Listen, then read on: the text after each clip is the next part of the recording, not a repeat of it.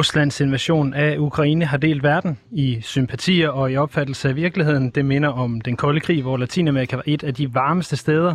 Hvad kan Latinamerika fortælle os om, hvordan verden er delt i dag? Kan man trække en streg ned mellem dem, der er med Vesten eller russerne, ned gennem hele Latinamerika?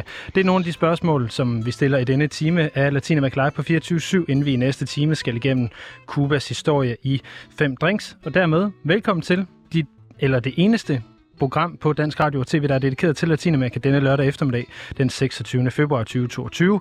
Rusland Vesten-sympatierne kommer vi til lige om lidt. Det er blot en af de fem nyheder fra Latinamerika, som vi skal igennem her i den første time, hvor du lytter til nyhedstemen Nyt fra den nye verden. Vi skal omkring valget i Costa Rica, skovbarn i Argentina og noget så sjældent som boliviansk vin. Ved at spejle os i de begivenheder og konflikter, der lige nu diskuteres på caféerne fra Argentina helt i syd til Mexico i nord, prøver vi at blive klogere på de mange fascinerende lande i Latinamerika og kan også lære noget om os selv undervejs. Så siger de også til Danmark, find pas, poncho, papagøje frem, for nu tager vi på rundflyvning og ser, hvad der sker og rører sig i det oversete Amerika. Mit navn er Lasse Udhegnet. Velkommen til. Jeg står her i studiet i København, og sammen med mig, ikke fra Honduras, men i dag fra Costa Rica, er øh, Arne Christensen. Velkommen til dig, Arne. Tak skal du have, Lasse. Og så kvæler vi lige øh, baggrundsmusikken her for et øjeblik. Arne, vi, vi har jo fem nyheder, vi skal, skal igennem, og jeg vil gerne lige starte med at sætte fokus på, på Ukraine. Det, det lovede vi jo lidt øh, her i, øh, i introen. Ukraine fylder jo øh, rigtig meget, det gør det også i, i Latinamerika, og jeg synes, vi lige skal starte med den her FN-afstemning, der var omkring, hvad kan man sige, øh, om man ville fordømme Ruslands invasion af Ukraine. Det lød øh, nogenlunde sådan her fra FN-salen. We shall now begin the voting process. Those in favor of draft resolution A/ES-11/L1, please signify. Those against? Abstentions?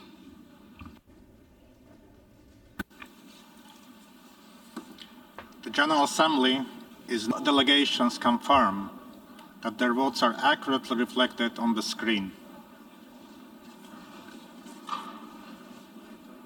The result of the vote is as follows. Og som man kan høre, så bliver der jo så klappet baggrund, og det er jo fordi, der var 141 for at fordømme Rusland, 5 imod og 35, der så undlod at stemme. Nogle af dem var altså fra Latinamerika. Øhm, jeg siger nogle af dem, som ikke stemte, og det er jo noget af det, vi kommer til at tale om i dag her, øh, hvilket måske er lidt pudset, det var Bolivia, Cuba, El Salvador, Nicaragua og Venezuela, og i alt så var det altså øh, Øh, der, ser, der står 12 lande i parentes her i mit, øh, i, mit, øh, i mit notehæfte. Men det er altså lidt bemærkelsesværdigt, at der er så mange øh, latinamerikanske lande, som ikke tager, øh, tager stilling til det. Og det er jo blandt andet fordi, at det er lidt svært på nuværende tidspunkt egentlig at sige, hvad det er, øh, den her konflikt den kommer til at, at, at vedrøre øh, Latinamerika. Arne, kan du sætte et ord på, hvordan den kommer til at vedrøre Latinamerika? Ja, det er jo det, som, som diskuteres i, i medierne herover. Hvis vi lige skal tage det der med tallene først, så kan man sige, Øh, det er rigtigt, som du siger, der var de her fem lande, som, som undlod at stemme eller stemte imod.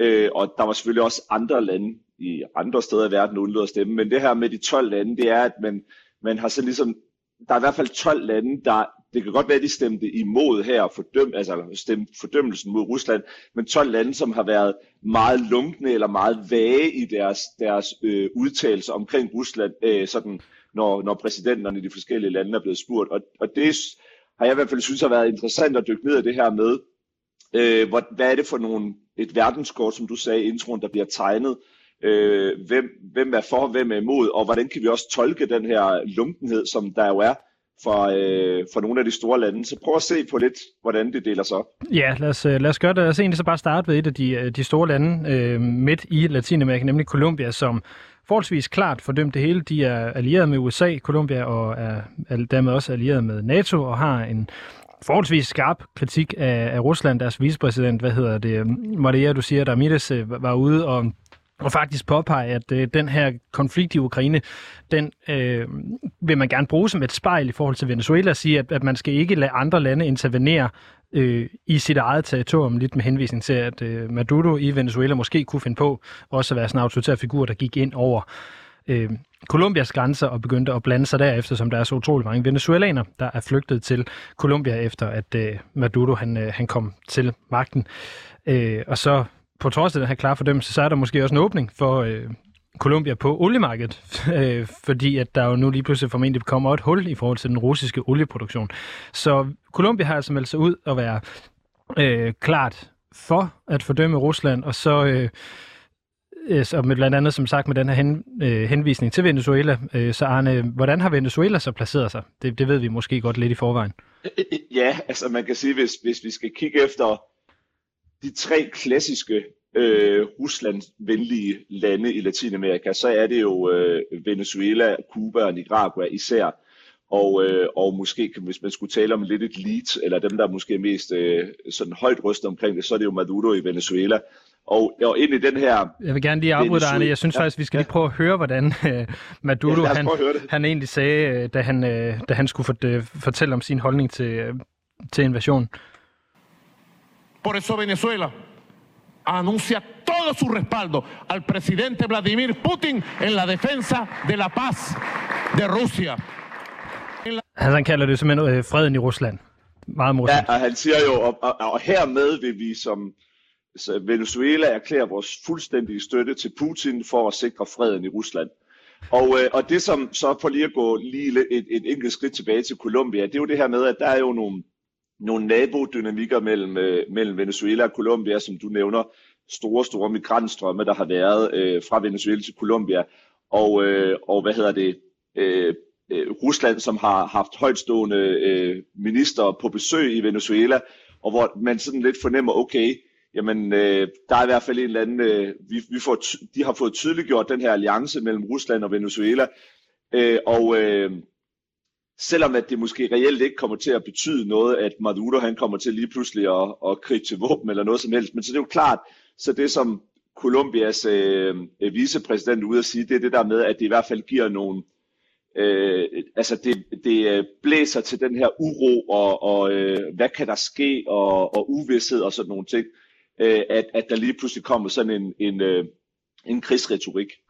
Det er jo det. Øh, nu nævnte vi så også, hvad hedder det, Cuba og Nicaragua i det her. Det, som jeg lagde mærke til nu, er, har jeg også et særligt øje for Cuba, det var, at Cuba faktisk var ude og nuancere sig voldsomt øh, inden den her afstemning i FN, og Cuba var også et af de lande, som ikke stemte imod, men som altså undlod at, øh, at stemme for, altså stille sig i den her lidt lunkne midterkreds. Og det er jo, øh, kan man sige, forhåbentlig, fordi at Cuba jo stadigvæk har nogle forholdsvis øh, humanistiske tendenser. Det er i hvert fald det, der altid har været centralt i landets øh, udenrigspolitik, det er at stille sig på de svages side, hvad man så ikke kan synes om resten af, hvad de laver. Øh, men det lugter jo af, at man på den ene side helst ikke vil pisse russerne af, men samtidig gerne vil stå fast på sit. Øh, så det, det synes jeg personligt var en positiv, positiv ting. Lige præcis, og så tror jeg, altså det som, det som øh, øh, bliver interessant at følge med de her tre øh, Rusland-venlige nationer, det er jo, hvad kommer det til at få økonomiske konsekvenser. Øh, Venezuela har, har øh, stor import af, af fødevarer, hvede for eksempel fra, fra Rusland, og det er jo øh, tre lande, øh, som er i forvejen i meget store problemer. Vi er stadigvæk på bagkanten af en pandemi. Der er også sanktioner mod de her lande. Så hvad kan det komme til at betyde økonomisk for dem? Øh, I sidste uge havde vi også øh, en af Bidens øh, tætte rådgiver, Juan González, der var ude og sige, jamen de her sanktioner, som, som USA og, og Vesten nu laver mod, øh, mod Rusland, jamen de vil også få følgevirkninger for de lande, som øh, er afhængige af Rusland. Øh, og der kunne man jo også lidt spekulere i og tænke, øh, jamen kan det dybest set være, at det egentlig også øh, er en positiv sideeffekt set fra USA's synsvinkel, at man, man får presset nogle af de lande, man i forvejen har ønsket at presse historisk. Præcis. Øh, det, som der jo så bliver rigtig interessant, det er jo så netop de her lidt lunkne, som vi, øh, øh, og hvad kan man sige, tvetydige øh, udmeldinger, som, som vi allerede har, har øh, nævnt øh, en lille bitte smule.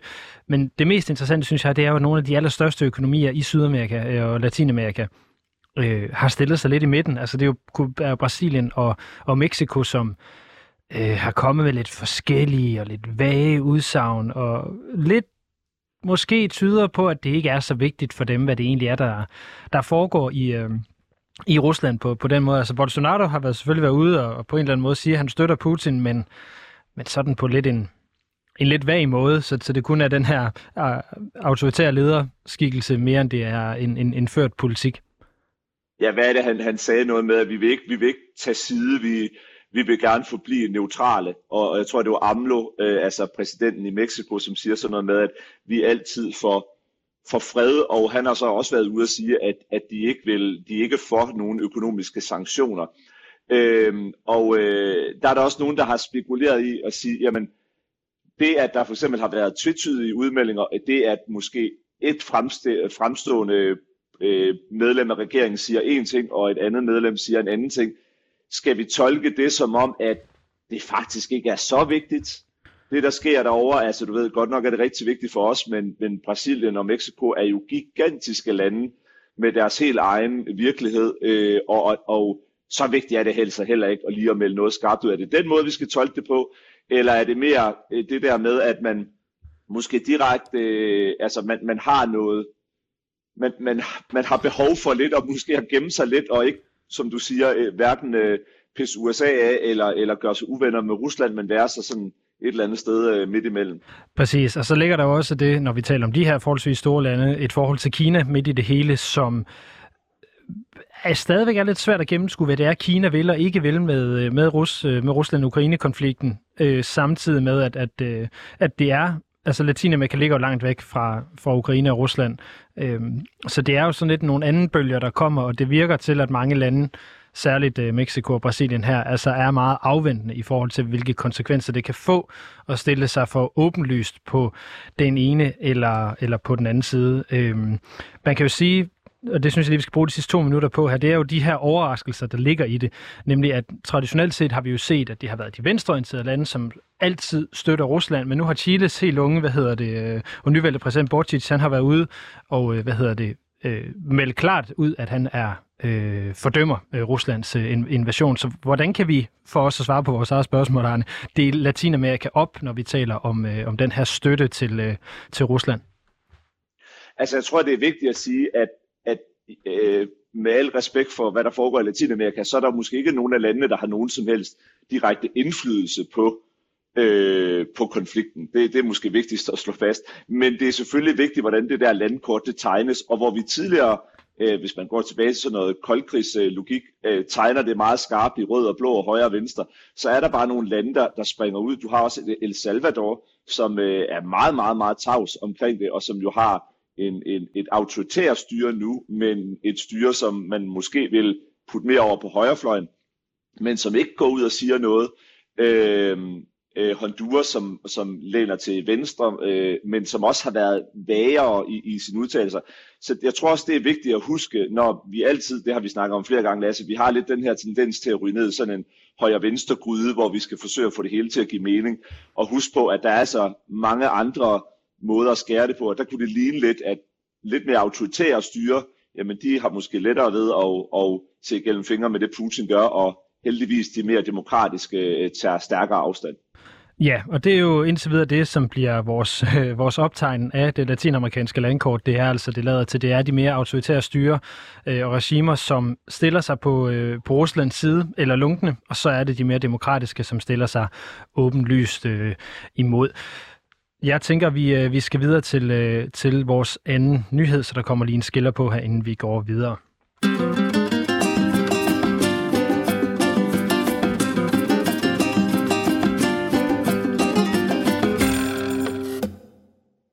Arne, nu er du jo lige pludselig...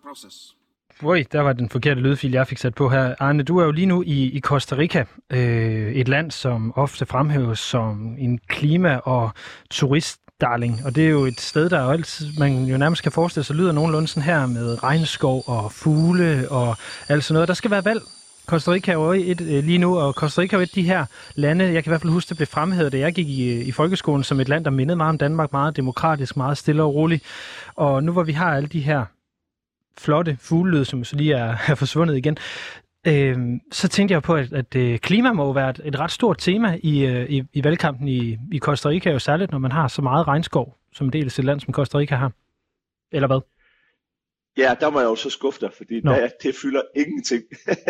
okay. øh, det er rigtigt, jeg er lige i Costa Rica nu, og, øh, og øh, når du sætter de her øh, junglelyde på, altså det er jo, hvis vi lige skal starte lige øh, og give Costa Rica 30 sekunders ros, altså det er jo et fantastisk flot land. Høj, øh, øh, biodiversitet, øh, har lykkes rigtig godt i, i, i genskovningen, altså få plantet træ, træer osv. Det er et yndet turistmål, og, øh, og de øh, ynder sig jo også at kalde sig Mellemamerika Schweiz.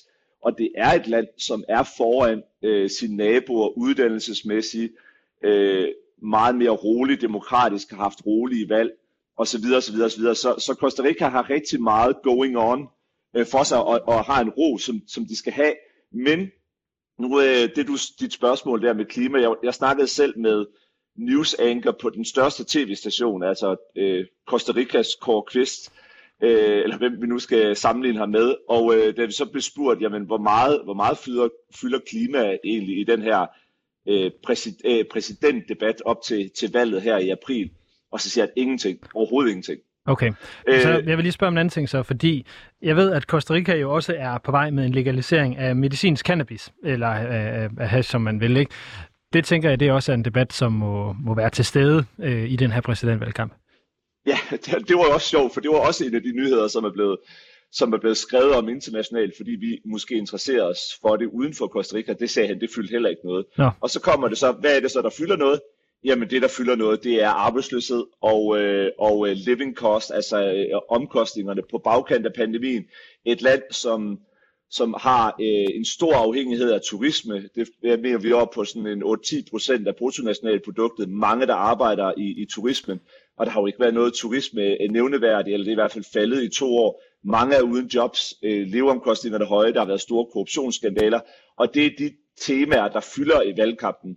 Og øh, der kunne man jo godt sige, at det er sådan lidt en, øh, vi skal have nogle jobs nu, og vi skal have nogle penge nu, og så må klimaet simpelthen vente. Okay, øh, det lyder jo som Mette Frederiksen, der, går, øh, der gik til valg sidste gang.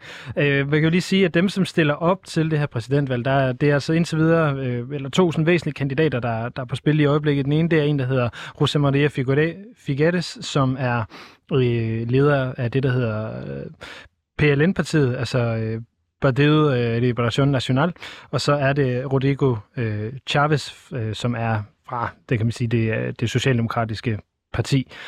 Øhm, og man kan sige, Figueres, han, øh, hvad hedder det, har boet i Schweiz, så han er tidligere præsident, og så har Chavez så den her øh, en, en sag hængende over sig for, øh, hvad hedder sådan noget, øh, krænkelser, det er vist det, det hedder øh, i dag. Øh, ja. Jeg skulle lige overs- oversætte sexual harassment. Øhm, ja. så kan, det er jo nogle i umiddelbart ret usexede kandidater. Ja, altså, eller det første ting, man skal sige, hvis vi igen skal rose demokratiet, det var jo, at der var hele var det 25-26 kandidater, der vil i første runde, der vil stille op til at være præsident, og så vil vi nede på, på, på øh, kampvalget nu her mellem de her to i anden runde. Og, øh, og øh, når jeg snakker, har snakket med folk herom over, så, øh, så kan folk ikke sådan, altså der er ikke de samme emotioner omkring det. Det virker ikke som om, at, at folk sådan er helt tilfredse med det her lineup. Øh, stemmeprocenten var faktisk også ret lav øh, ved første runde, så det taler jo også en lille smule for. Øh, eller eller øh, det underbygger den der teori om, at det måske ikke er sådan nogle, øh, nogle kandidater, der virkelig øh, motiverer vælgerne.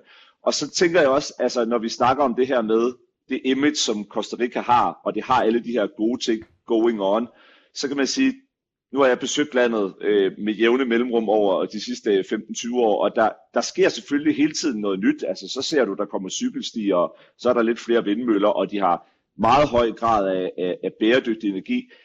Men man, jeg synes også, jeg fornemmer sådan lidt, at det også er mere en image-ting. Altså, øh, det, det er det der med at, at, at portrættere det udad til, og man kan også spørge sig selv om, ligger der lidt en ironi i at gerne vil være et, et økoparadis og selv økoturisme øh, med folk, der flyver ned øh, og bruger en masse CO2 og kører rundt i gamle Land Rover på dieselmotorer. Altså, er der, kan der være en selvmodsigelse i at både vil være en, en, en grøn nation, og så samtidig øh, have turisme som sådan en stor satsningsområde? Det er jo i hvert fald et, øh, et, et meget klassisk spørgsmål, som, som går ud over rigtig mange øh, lande i, øh, hvad man sige, i den, øh, hvad skal vi kalde det, den anden verden her, når vi taler om, øh, om Latinamerika. Det kan, jo, det kan jo tyde på det, øh, fordi vi ved jo alle sammen godt, hvordan kommer man til Costa Rica. Det gør man med fly. Det er en øh, forholdsvis øh, CO2-bekostelig affære. Øh, omvendt, så som du siger, så er der jo nærmest 100% grøn energi i, øh, i Costa Rica på, på nuværende tidspunkt. Et landet er enormt god til øh, genskovning, og, og det er jo det der med, at det til den her gamle ting, er, er, er de ting, man, man, er gode ting, man gør dårlige årsager. Så tænker jeg, gode ting som den grønne politik og dårlige årsager er, at det bare er et image. Gør det tingene mindre gode? Det, det ved jeg ikke helt. Jeg synes jo stadigvæk, det er positivt, at, at der er så meget øh, hvad hedder det, fokus på klimaet i, i Costa Rica, hvis vi skal tage sådan en, en mere dansk vinkel på det i virkeligheden. Det lyder jo ikke til, at de, de selv fylder så meget. Det, jamen, prøv at høre, jeg er helt enig. Altså, Costa Rica skal have alt muligt ros, og også især, når man sammenligner det med de nabolande, som i den grad har nogle, har, er, er, hvor det er op ad bakke. Øh, det jeg nogle gange tror dog, det er, at måske, og det kan man også se, hvis man nu tager en god googling af, af hvad hedder det, Costa Rica, det er, de har haft held i os at få det her image af at være en darling, øh, og, øh, og, og dyrke det, sådan, hvor det nærmest står sådan lidt øh, uimodsagt. Øh, jeg snakkede selv med en, en, øh, en, en person i en klimaorganisation her i Costa Rica, som også pegede på det her med, det er også et, øh, et foretrukne expatland, altså amerikanske, kanadiske turister, der flytter ned på deres pension. De skal alle sammen have en kæmpe stor swimmingpool med en hel masse vand. Øh, det er måske heller ikke så smart. Øh, øh, også det her med, at der har været, det har så ikke sket så meget i Costa Rica nu, men der har været det eksempel for for eksempel Yucatan-halvøen i Mexico, hvor du også har en voksende turisme, for eksempel syd for Cancun i det her Tulum-område, hvor man ikke har fået ordnet kloakeringen. Og det betyder altså, altså alle de her økoturisters lort, hvis man skal sige det sådan, det flyder altså rundt ned i grundvandet, fordi at, at der ikke er styr på kloakeringen. Så Costa Rica har, har, har rigtig meget godt, men, men man skal huske den anden ting også. Ja, bare lige for at sammenligne det her med turismen, så kan vi sige, at, at i Dan- Danmark, der har vi 30 millioner overnatninger øh, om året cirka. I Costa Rica, der har de 3,1 millioner øh, besøgende. Øh, turismen fylder 3-4% af Danmarks BNP, det fylder 6-8, altså dobbelt så meget i Costa Rica, og de har øh, 211.000, det vil sige cirka 9% af arbejdsstyrken er beskæftiget inden for turismen. Det måske sætter streg under det, du talte om før, Arne, med arbejdsløsheden i, i forbindelse med valget, hvor det i Danmark er 120.000, som øh, er beskæftiget cirka i, øh, i turismen, altså 4% af, af arbejdsstyrken. Så har vi ved at også lige de der sammenligninger øh, Præcis. på plads. Og så synes jeg, at og så synes jeg, at det man skal, altså valget i Costa Rica kommer helt sikkert til at gå, hvad det vil mit gæt være, være gå relativt ubemærket hen. Sidste gang for fire år siden var det øh, øh, same-sex marriage, altså øh, ægteskaber mellem øh, to og samme køn, som var et debatområde. Jeg tror, at det her valg kommer til at gå relativt ubemærket hen, men det er jo i sig selv egentlig også positivt. Ja, det er jo en succeshistorie i et latinamerikansk land, må man sige. Præcis, ja, altså vi får en, en fredelig magtovertagelse og, øh, og, øh, og øh, forhåbentlig masser, der stemmer osv. Og på den måde, så må vi hellere slutte af på, på en positiv note, fordi der er ingen tvivl om, at Costa Rica har fundet en eller anden formel og, og gør rigtig mange ting godt. Jeg skal lige høre som den sidste ting, øh, inden vi går videre, Arne, det er, øh, når du taler med folk på gaden i Costa Rica, hvem har du så en fornemmelse af, der vinder? Øh, jamen, altså, så er det jo, øh, så, så siger mange sådan lidt, ah, men det er jo den, den gamle, altså ham, der tidligere har været præsident. Så ham, der øh, på, på, på, hvad kan man sige, den liberalistiske fløj. Præcis, at, at han vil vinde. Men igen, så skete der faktisk også for fire år siden nogle ændringer, da man kom til den her anden runde. Så jeg tror egentlig, folk forventer, at, at det bliver meget lige. Men jeg fornemmer ikke den der, øh, den der store begejstring omkring valget. Øh, så, så det bliver lidt spændende at se, om det, vi måske får en lav stemmeprocent.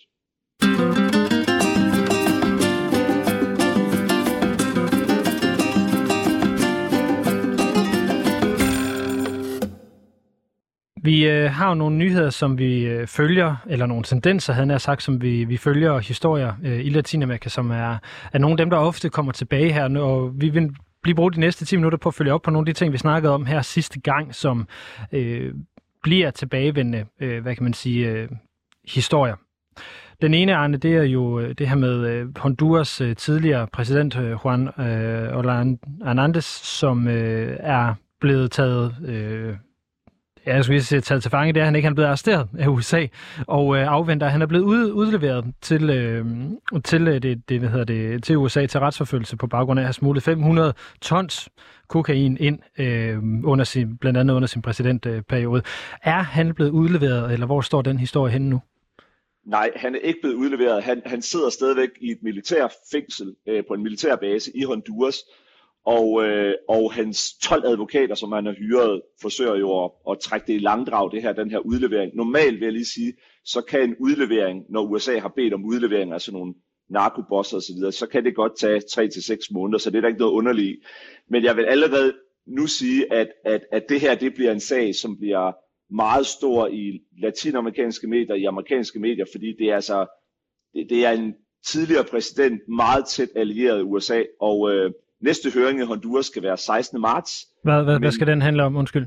Ja, men den handler jo så om, at, at, at hvad skal man sige, i den honduranske retssag skal, skal øh, øh, ekspræsidentens advokater ligesom præsentere øh, et forsvar for, at det ikke er nødvendigt at udlevere ham. Måske at hvis han har gjort noget forkert, bør han først retsforfølges i Honduras. Men der er selvfølgelig et massivt, massivt pres for USA om, at den her, det, det er bare en formalitet, at der skal klikkes lidt af i, i retning Honduras, og så skal han på et, et fly op til, til USA. Men det bliver kæmpestort, og jeg vil sige, hvis der sidder nogle, nogle Netflix-redaktører eller nogle andre og følger med, altså det her, det kan, det kan blive en kæmpestor retssag i USA, øh, måske til efteråret engang. Øh, 500 tons kokain, det er altså lidt en slat.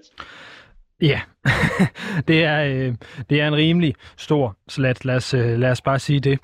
Øh, en anden øh, historie eller tendens, som vi, øh, vi, skal, vi skal kigge lidt på igen, det er øh, det her med abortlegaliseringer, øh, som vi øh, talte særligt om sidste gang, hvor der var fokus på, at Colombia øh, havde indført øh, lovlig abort op til den 24. uge af graviditeten. Og øh, der lidt i skyggen af det her har Ecuador ligget, fordi Ecuador har egentlig også lavet en, øh, en legalisering af abort, men den er lidt mere, øh, kan vi sige, kompliceret i sin sammenstykning og lidt mere forvirrende. Øh, så prøv lige at holde fast her, fordi det er nu blevet lovligt i Ecuador at få abort op til 12. uge, hvis man bor i byen. Hvis man bor uden for byen, så er det op til 16. uge, og hvis man er mindreårig og øh, oprindelig øh, folk, øh, så er det helt op til 18. uge, at man øh, kan få en, en, en abort. Og hvordan man så lige vurderer, hvornår man er det ene og det andet, det, det har jeg ikke helt kunne, øh, kunne gennemskue, men ikke desto mindre, så er den her grønne bølge, øh, som øh, abortbevægelsens øh, farve er, altså skyllet videre ned gennem Latinamerika. Det her det var altså noget, som faktisk allerede blev indført i midten af februar, som sagt lidt under dæk af, hvad der skete i Colombia, da Colombia er et større land, og det har noget større indflydelse på kolumbianernes liv, at man kan altså kan få en abort helt op til 24. uge, som vi fortalte jer øh, her for, for syv dage siden. Øh, det næste land... Ja. Oh, du vil sige ja, noget, nej, ja, nej, jeg vil, nej, jeg vil bare sige, og det er altså, altså for alle, der har fulgt uh, Latinamerika i, i år og i mange år, så ved man, hvor meget abortspørgsmålet det virkelig kan, kan dele befolkningen, og, og det kan blive øh, en, en, en vanskelig debat, en skinger debat og hvordan at, at man virkelig kan sige, at, at i det store perspektiv er der faktisk sket, altså det ved jeg ikke, hvad du synes, men jeg synes, der er sket rigtig meget på ret kort tid øh, i flere lande, og, og det kan sagtens være, at den bølge, den bliver ved med at rulle. Det, øh, det ser det ud til, fordi Chiles øh, igen nyvalgte meget unge præsident Borchitz, han har også været ude at sige, at han faktisk også forventer, at, øh, eller i hvert fald har en plan for, at øh, at abort skal, øh, skal legaliseres i Chile i løbet af hans øh, præsidentperiode. Så det tegner rigtig godt for den her grønne bølge, og, og særligt for kvinderettighederne hele vejen rundt om, øh, om øh, Latinamerika. Øhm, Inden vi går, går videre til, til den næste sådan, reelle nyhed, så vil jeg lige smide en ting ind, som øh, jeg personligt faldt over her for et par dage siden, og synes var enormt spændende. Og det er, at øh, hvad hedder det, det her område, der hedder Pantanal, øh, som er et af verdens største øh, tropiske vådområder. Øh, det ligger blandt andet i Brasilien, øh, Bolivia og Paraguay, altså de her tre lande del af det her område. Der har øh, der er, hvad hedder det, kvægfarmer, som er begyndt at nedlægge deres kvægfarme, og så lave dem til øh, økoturisme, apropos det, du snakkede om øh, i Costa Rica, fordi at øh, de her vådområder, de er perfekte omstændigheder for en jaguar. Og tidligere så er de her kvægeavler, de har været meget efter jaguarerne, fordi de jo sjovt nok kan spise kvædet, hvor de har skudt rigtig mange af dem. Så det er jo lidt sjovt nu, at øh, vi måske kommer af med noget af Brasiliens store øh, bøfproduktion, øh, men så simpelthen erstatter det med økoturisme øh, igen, hvor man håber, at man så kan, kan se på, på jaguarerne. Det, øh, det fremhæver jeg to årsager. Den ene, det er, at øh, næste gang vi, øh, vi sender Latinamerika øh, live, det bliver om tre uger, den 26. marts, der øh, kommer hele sær- eller tematimen i, i den anden time til at handle om jaguaren som, øh, hvad kan man sige, dyr og, eller i, i virkelighed og, og mytologi.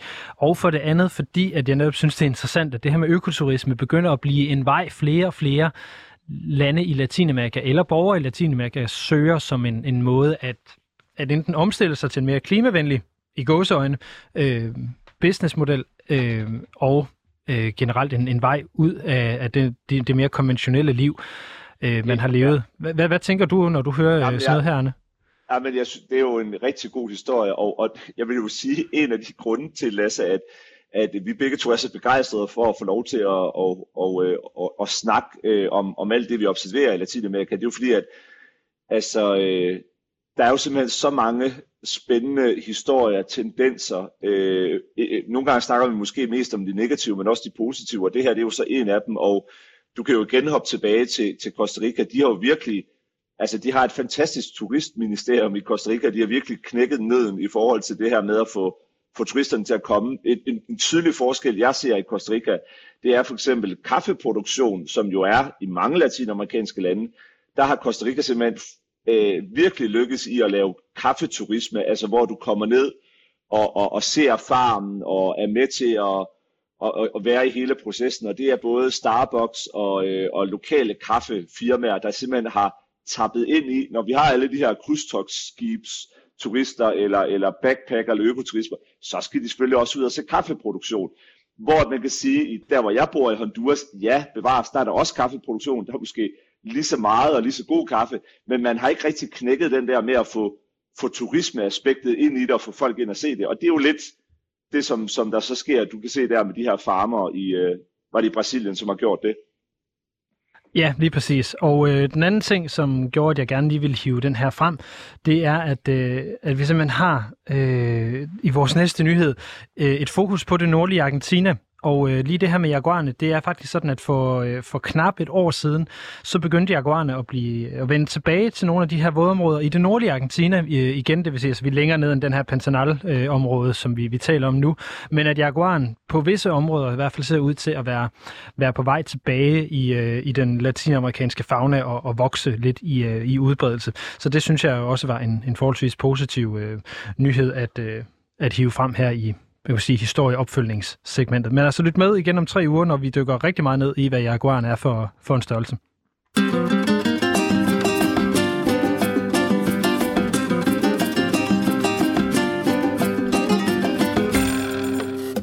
Og da jeg sagde før, at vi skulle til det nordlige øh, Argentina, øh, så er det fordi, vi skal til den provins, der hedder Corrientes, som øh, står i flammer. Øh, det er jo normalt noget, som får rigtig, rigtig meget opmærksomhed, eller det gør det nogle gange, når noget af Latinamerika brænder. Blandt andet øh, så sagde Leonardo DiCaprio sådan her for et, øh, et par år siden, da han, øh, da han øh, skulle kommentere på, at Amazonas-skoven den, øh, den brændte. Having been to the Amazon, having stayed there and knowing not only the importance that it that it is for stabilizing climate, but the beauty of, of biodiversity and the cultures that live there. It, it uh, it's incredibly tragic. I think that I immediately felt uh, depressed, and I felt like a lot of people that I connected with wanted to take action. Uden at uh, skulle fordømme uh, Leonardo DiCaprio, som jeg personligt holder rigtig meget af som skuespiller, Arne, uh, har du hørt ham sige noget om branden i Corrientes? Nej, jeg må indrømme, at jeg ikke har været inde og tjekke hans, hans Twitter-feed, mm, men øh, jeg, øh, jeg, da du, du fandt jo den her nyhed, og vi skulle til at kigge på den, der, der synes jeg, at øh, nu kan det også godt være det på grund af krigen, men jeg synes ikke, jeg fandt ret mange celebrities, der reagerede på den her, ligesom vi så der for, for et par år siden, hvor, at, øh, hvor det jo nærmest var, var hele Hollywood, der reagerede på skovbranden i øh, Amazonas. Præcis, og øh, jeg synes, den her nyhed, den, den kunne godt have fået en masse opmærksomhed, netop fordi, at øh, de her brænde, de har så opstået på baggrund af to års tørke, og det betød, at øh, eller de var så voldsomme, at en, en askesky, der simpelthen var flere hundrede meter høj, den blev af en koldfront blæst fra Argentina ind over det sydlige Paraguay, og simpelthen indhyldede Paraguays hovedstad Asunción i en totalt giftig smog. Og bare for at illustrere, hvor, hvor voldsomt det har været, så blev det altså så mørkt, da skyen den, øh, den blæste igennem, at øh, fugle de fløj op i træerne for at sove, fordi de troede, det var nat. Øh, og mh, hvis man ser videoer af den på, på, net, på nettet, så ligner det altså dommedag, der kommer farne hen over, øh, hen over himlen. Det ser sindssygt øh, uhyggeligt ud, og det er også noget, hvor folk de blev bedt om at holde sig indenfor, fordi det simpelthen var, var farligt for, for, for lungerne at, øh, at, at skulle ud. Øh, hvorfor tror du ikke, det har fået så meget opmærksomhed, Arne? Ja, hvorfor har det ikke det? Altså, øh, øh, jeg tror, at, at altså det, at, at der er skovbrænde, øh, nu kan jeg mest tale for Mellemamerika, som ligesom er mit, øh, øh der hvor jeg mest rejser rundt og, og arbejder. Altså der er skovbrænde jo en, en tilbageværende ting hver eneste år. Og jeg vil gerne allerede nu disclaimer at sige, at jeg at klima og klimaforandringer bestemt ikke er et af mine stærke områder, så hvis der er nogen af lytterne, der ved mere om det, så må de jo skrive og korrigere os. Men jeg har lidt en oplevelse af, at det her det ikke er, det kan godt være, at det er stigende, men det er i hvert fald ikke et nyt fænomen. Og noget, jeg kan huske dengang, at det brændte i Amazonas, det var, at jeg sådan tænkte, altså fandt jeg sådan en graf, og kunne se, at der var dybest set lige så mange skovbrænde, dengang Lula han var præsident.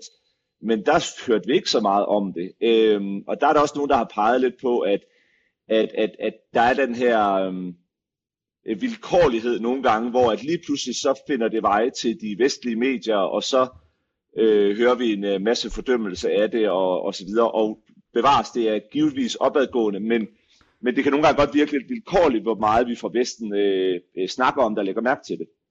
Øh, jeg synes, det er lidt sjovt, du siger den opadgående, fordi du har fundet en statistik, der siger, at øh, antallet af hektar, øh, der brænder, det er på vej nedad. Hvad, hvad handler ja, det, det om? Så, Ja, men det var så det, fordi at jeg, jeg fandt, øh, altså først kiggede jeg på Amazonas, hvor jeg kunne se, at det gik, altså der er en, en tendens på opadgående, men det har trods alt har været, altså gået op og ned, og det, det brændte også meget i Amazonas under, under Lula. Men så kiggede jeg så på Argentina, hvor jeg faktisk øh, så, at de sidste fem år, der har antallet af hektar, der har været, hvor der har været skovbrand i, har været nedadgående de sidste fem år. Og der tænker jeg, at nogle gange de her tendenser, når at, øh, når vi ser de her øh, voldsomme vejrfænomener, orkaner eller skovbrænde, eller hvad det kan være.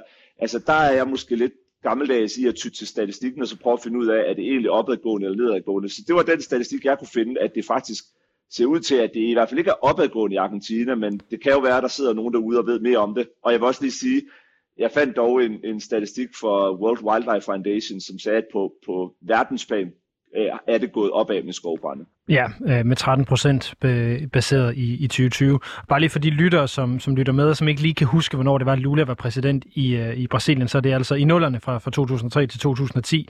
Så det er altså der, hvor vi taler øh, seks år før Bolsonaro, og at Amazonas altså også brændte øh, før Bolsonaro kom til.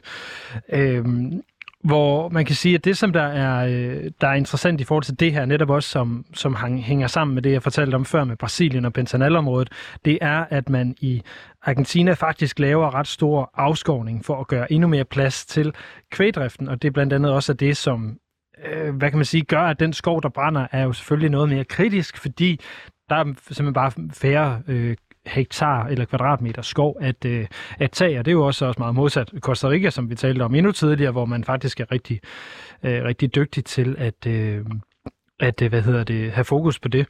Og så øh, det, jeg synes, der egentlig er rigt, rigtig eller det mest interessante i forhold til det her, det er jo også noget af det, vi taler om omkring Costa Rica, det er jo, hvad klimaet betyder, fordi herhjemme er det jo i høj grad en mærkesag for venstrefløjen, men øh, Arne, det ser ikke helt ud som om, at øh, det er sådan, det forholder sig, når vi, vi taler Latinamerika. Nej, og, og man, kan jo, altså man kan jo selvfølgelig spørge sig selv om, øh, eller, eller sige, når, når der er stor arbejdsløshed, øh, øh, nu snakker vi om migrationsstrømmen fra Venezuela, altså hvor mange millioner venezolanere, der er migreret. Øh, der er øh, de sidste år er der øh, mellem halvanden og to millioner migranter fra Mellemamerika, der er taget op til USA når, det, når der er sådan nogle store øh, samfundskritiske tendenser, så kan man jo nogle gange måske godt sige, at det at gå op i klimaet, det er måske lidt et luksus-issue, selvom vi selvfølgelig er bevidste om, at det, at, at der er klimaforandringer, at det måske gør det sværere for den almindelige bonde at, at, at overleve på den jord, øh, han eller hun har, at det selvfølgelig også er med til at drive øh, migrationen, så kan man sige, så er det bare altså job og jobmangel, øh, korruption, vold, som, som måske er nogle ligger lidt højere i, øh, i, i, i, i behovspyramiden i forhold til problemer, der føles tæt på. Og det var også derfor, at, at dem her, som jeg spurgte i Costa Rica, de sagde klima. Nej, altså, det, det skal vi ikke diskutere. Det er ikke det, der er vigtigt her og nu, selvom at Costa Rica er en, en klimadarling. Så, så der er måske øh, der er nogle, øh, nogle selvmodsigelser der. Ja, vil jeg sige, det, det, lyder, det lyder også lidt selvmodsigende, eftersom at, at de her lande jo bliver særligt påvirket af nogle af de her klimaforandringer. Eksempelvis så Honduras, hvor du normalt bor, har jo været frygtelig ramt af forstærkede orkaner de sidste, de sidste år, så, så klimaforandringerne rammer jo forholdsvis hurtigt i de tropiske områder. Øh, og øh, man kan sige, at Argentinas øh, tørke her, de to års tørke, der har været i Corrientes-provincen, skulle også have noget med klimaforandringerne at gøre. En, en, en kombination af, at det er blevet varmere, og så det her La Niña-vejrfænomen, som øh, tilsammen har, har har gjort, at der ikke har været så meget regn i øh, ja. Corrientes i, i det nordlige Argentina, som der altså plejer at være. Lasse, jeg får lige lyst til at sige en ting, fordi når vi den, det vi snakkede om indledningsvis, vi snakkede om, hvordan kan det egentlig være, at, at Mexico og Brasilien er lidt lunken i forhold til det der Ukraine-Rusland, så tror jeg også noget af det, vi skal huske på i en latinamerikansk virkelighed, det er jo, jamen, så nu bare tager Mexico og Brasilien, der er der 30.000 mor om året. Det vil sige 80 mor om året. Og selvfølgelig er en krig, der foregår i Rusland og Ukraine, øh, en, øh, en krig og noget andet end øh, banderivalitet og, og legemord og alle de der ting. Men jeg tror også, vi bliver nødt til at sige, at i Latinamerika er der også nogle kæmpe problemer med intern fordrevne, øh, meget voldelige kriminalitet osv., som gør jo, at, at de her lande har nogle problemstillinger, som, som, som er så store, øh, øh, at, at ja, nu kan du bare se, at der er 6 millioner øh, venezuelanske migranter, jeg ved ikke, hvor mange migranter, der er kommet fra Ukraine, men det giver jo et eller andet om, at, at størrelsesordenen af, af problemerne her er også kæmpestor. Og det er jo så måske derfor, at man ikke taler så direkte om, øh, om klimakonsekvenser, heller ikke når, når så store dele af øh, hvad hedder det, Corrientes brænder. Det er så et område på, på størrelse med Sjælland, der, der er i flammer lige i øjeblikket, ja, det og, og det øh, har altså indhyldet Paraguays hovedstad, Asunción, i en, øh, i en smog, som, øh, som man gør det giftigt at, at gå udenfor, hvor man skal bruge toglygter og alt muligt andet, hvis man, hvis man færdes i, i trafikken. Øh, så det er jo et, ja, også et billede på, at øh, der, det på mange måder er en, en vild region, vi øh, vil beskæftige os med.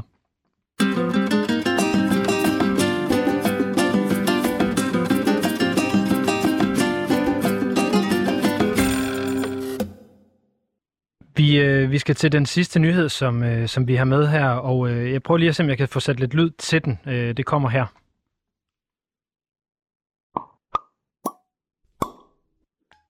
Det lød som nogle propper, der sprang. Øh, og det er jo ikke fordi, at øh, nogle af de ting, vi har snakket om her med skovbranden og Ukraine-konflikten nødvendigvis er noget at fejre, men øh, der er sket noget nyt i forhold til vinimport, når vi, øh, når vi taler Latinamerika. Arne, hvis du skal have noget vin på bordet sådan en fredag aften, hvad, øh, hvad sætter du så på der?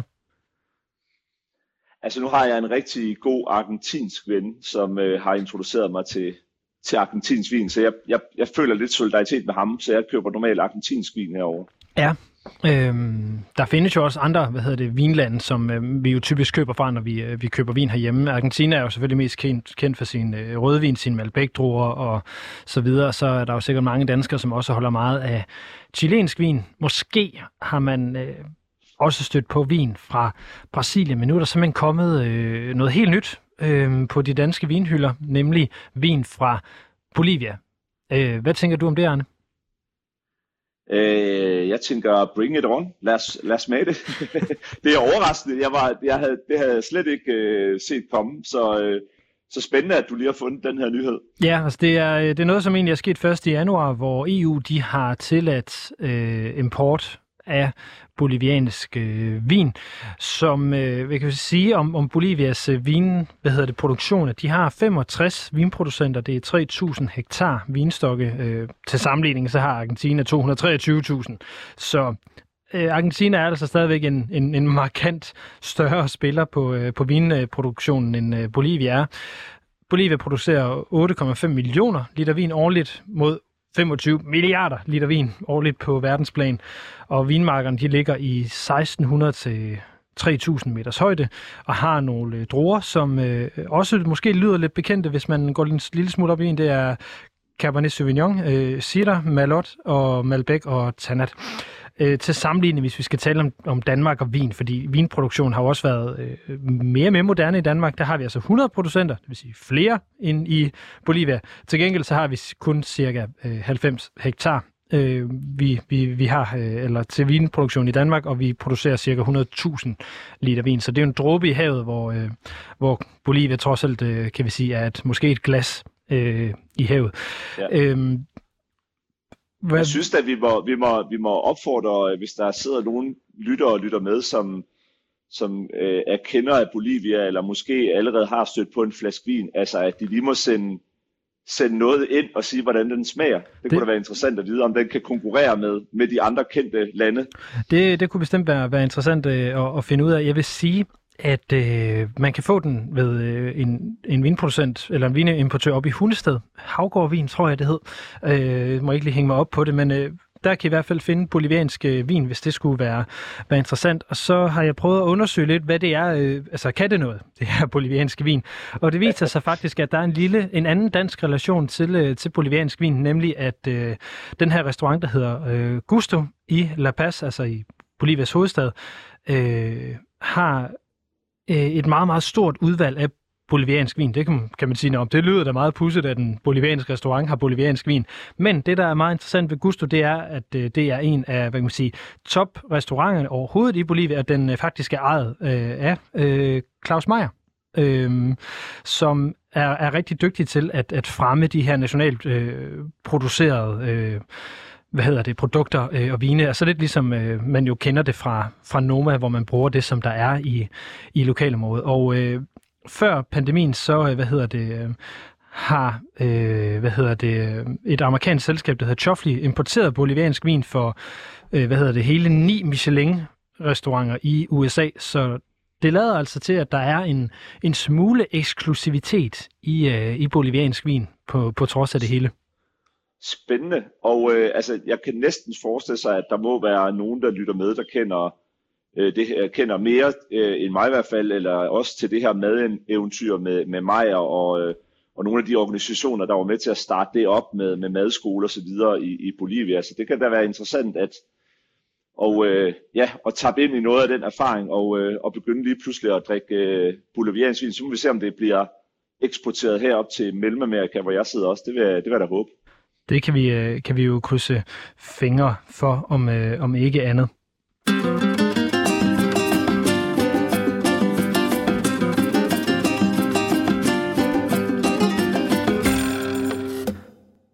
Det var altså øh, nyhedsteam Nyt for den nye verden her i Latinamerika Live. Øh, med mig, Lasse Udhegnet og øh, Arne øh, Christensen med fra Costa Rica. Øh, Arne, tusind tak for, at du igen var med til at sætte fokus på latinamerikanske nyheder. Selv tak, og fortsat god weekend. Så er der nyheder her på 24-7, inden vi i næste time skal igennem Kubas historie i fem drinks. Vi lyttes ved lige om lidt.